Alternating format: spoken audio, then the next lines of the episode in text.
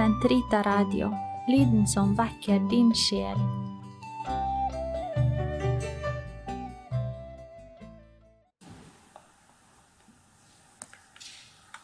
«17. mai vekker varme følelser i Norge. Oppslutningen om dagen er nærmest allmenn, og det finnes vel knapt noen annen nasjonaldag noensteds så preget av lys, munterhet og jeg vil si en slags uskyld. Det vil ikke falle nordmenn inn å feire 17. mai med militærparader, og gudskjelov for det. Isteden har vi, takket være Bjørnsons scenografiske genistrek, barnetog. Flagg vaies her i Norge uten aggresjon. Våre hurrarop er ikke rettet mot noen, men hva taler de for, egentlig? Å rope hurra bare for Norge, det blir litt for vagt. Det gir uttrykk bare for lokalpatriotisme, uten rotfeste i noen særlig verdi. En banal sentimentalitet som fremhever forrangen til stedet hvor jeg selv slumper å bo. Det er en slags selvforherligelse i lett forkledning. Ble vi bedt om å gå grundigere til verks, ville vel de fleste av oss si at nasjonaldagen handler om frihet og om fred. Og her står vi på langt fastere grunn, men ennå ikke helt støtt. For det er to begreper som må defineres. Så la oss kort vurdere hvordan vi kan få til det. Hva står friheten, og hva står freden for? Fedrene på Eidsvoll, som, slik Francis Bull gjerne påpekte det, for størsteparten var meget yngre menn enn man efter denne betegnelsen gjerne tenker seg dem. Eidsvollfedrene formulerte Grunnloven for et fritt Norge.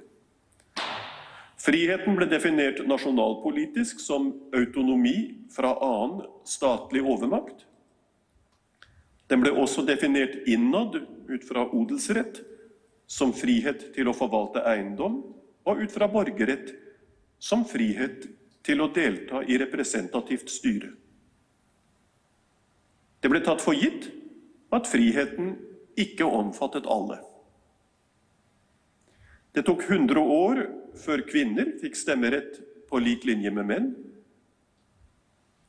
Lang tid trengtes òg for å utvide begrepet om et fritt samfunn nok til å omfavne tre uønskede typer mennesker.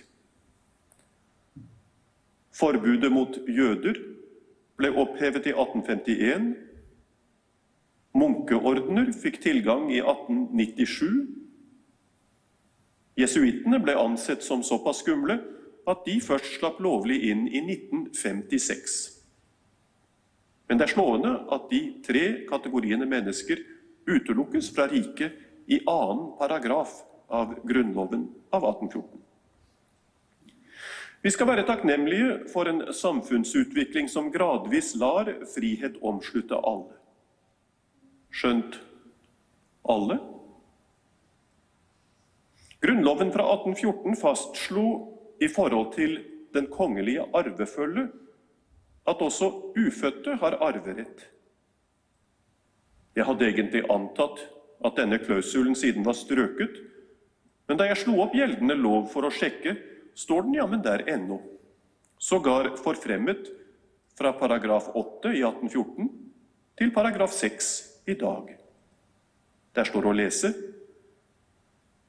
Blant arveberettigede regnes også den ufødte, som straks inntar sitt tilbørlige sted i arvelinjen når han eller hun fødes til verden. Sitat slutt.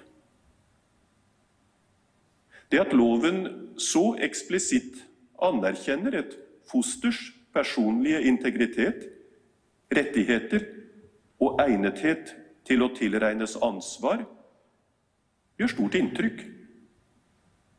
Men her består, som vi vet, en stor diskrepans mellom et konstitusjonelt prinsipp og samfunnspraksis, dessverre. Og det maner til ettertanke. Vi snakker mye nå om dagen om det inkluderende samfunn, og det er utmerket. Vi katolikker lever innenfor en inklusivitet som rekker jorden rundt og like inn i himmelen. Når denne himmelske dimensjonen utelates, består dog faren for at inkludering av den ene forutsetter ekskludering av den andre. Og særlig utsatt er da de som ikke kan tale for seg selv. I søndagens kollektbønn, som jeg brukte nå nettopp for å begynne denne messen, ba vi Gud, vår Far, om å la oss vinne sann frihet og arve det evige liv. Og presiseringen 'sann', sann frihet, er av stor betydning i vår tid, i både kirke og samfunn. Hva dagens Norge angår, deler ikke alle vårt verdigrunnlag som kristne, og det må vi godta og respektere. Men vi skal ikke overgi et nøkkelbegrep som frihet til rent subjektiv og pragmatisk tolkning. For da kan det skje, fortere enn vi aner, at urettferdighet lages i frihetens navn. Barnas hurrarop i dag utfordrer oss. Hva slags frihet formidler vi til dem? Og lar vi dem vokse opp sant frie?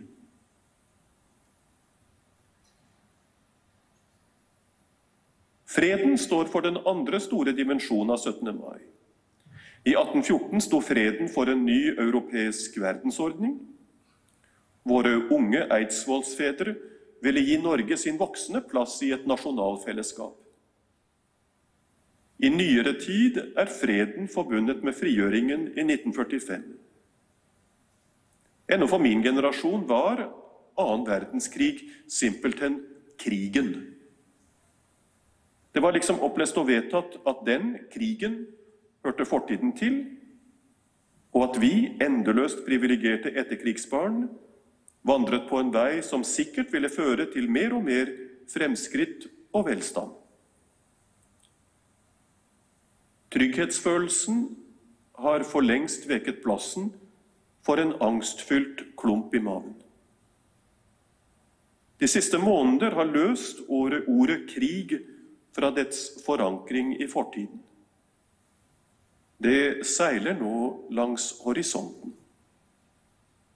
Og vi ser hvor skjør freden er, og hvor utsatt vi er for hverandre.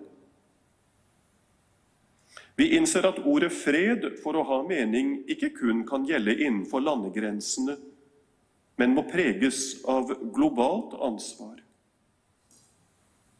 Fred dreier seg om mer enn min eller vår relative sikkerhet innenfor vårt havegjerde. Jeg leste i dag morges et avsnitt fra Ruth Mayers dagbok.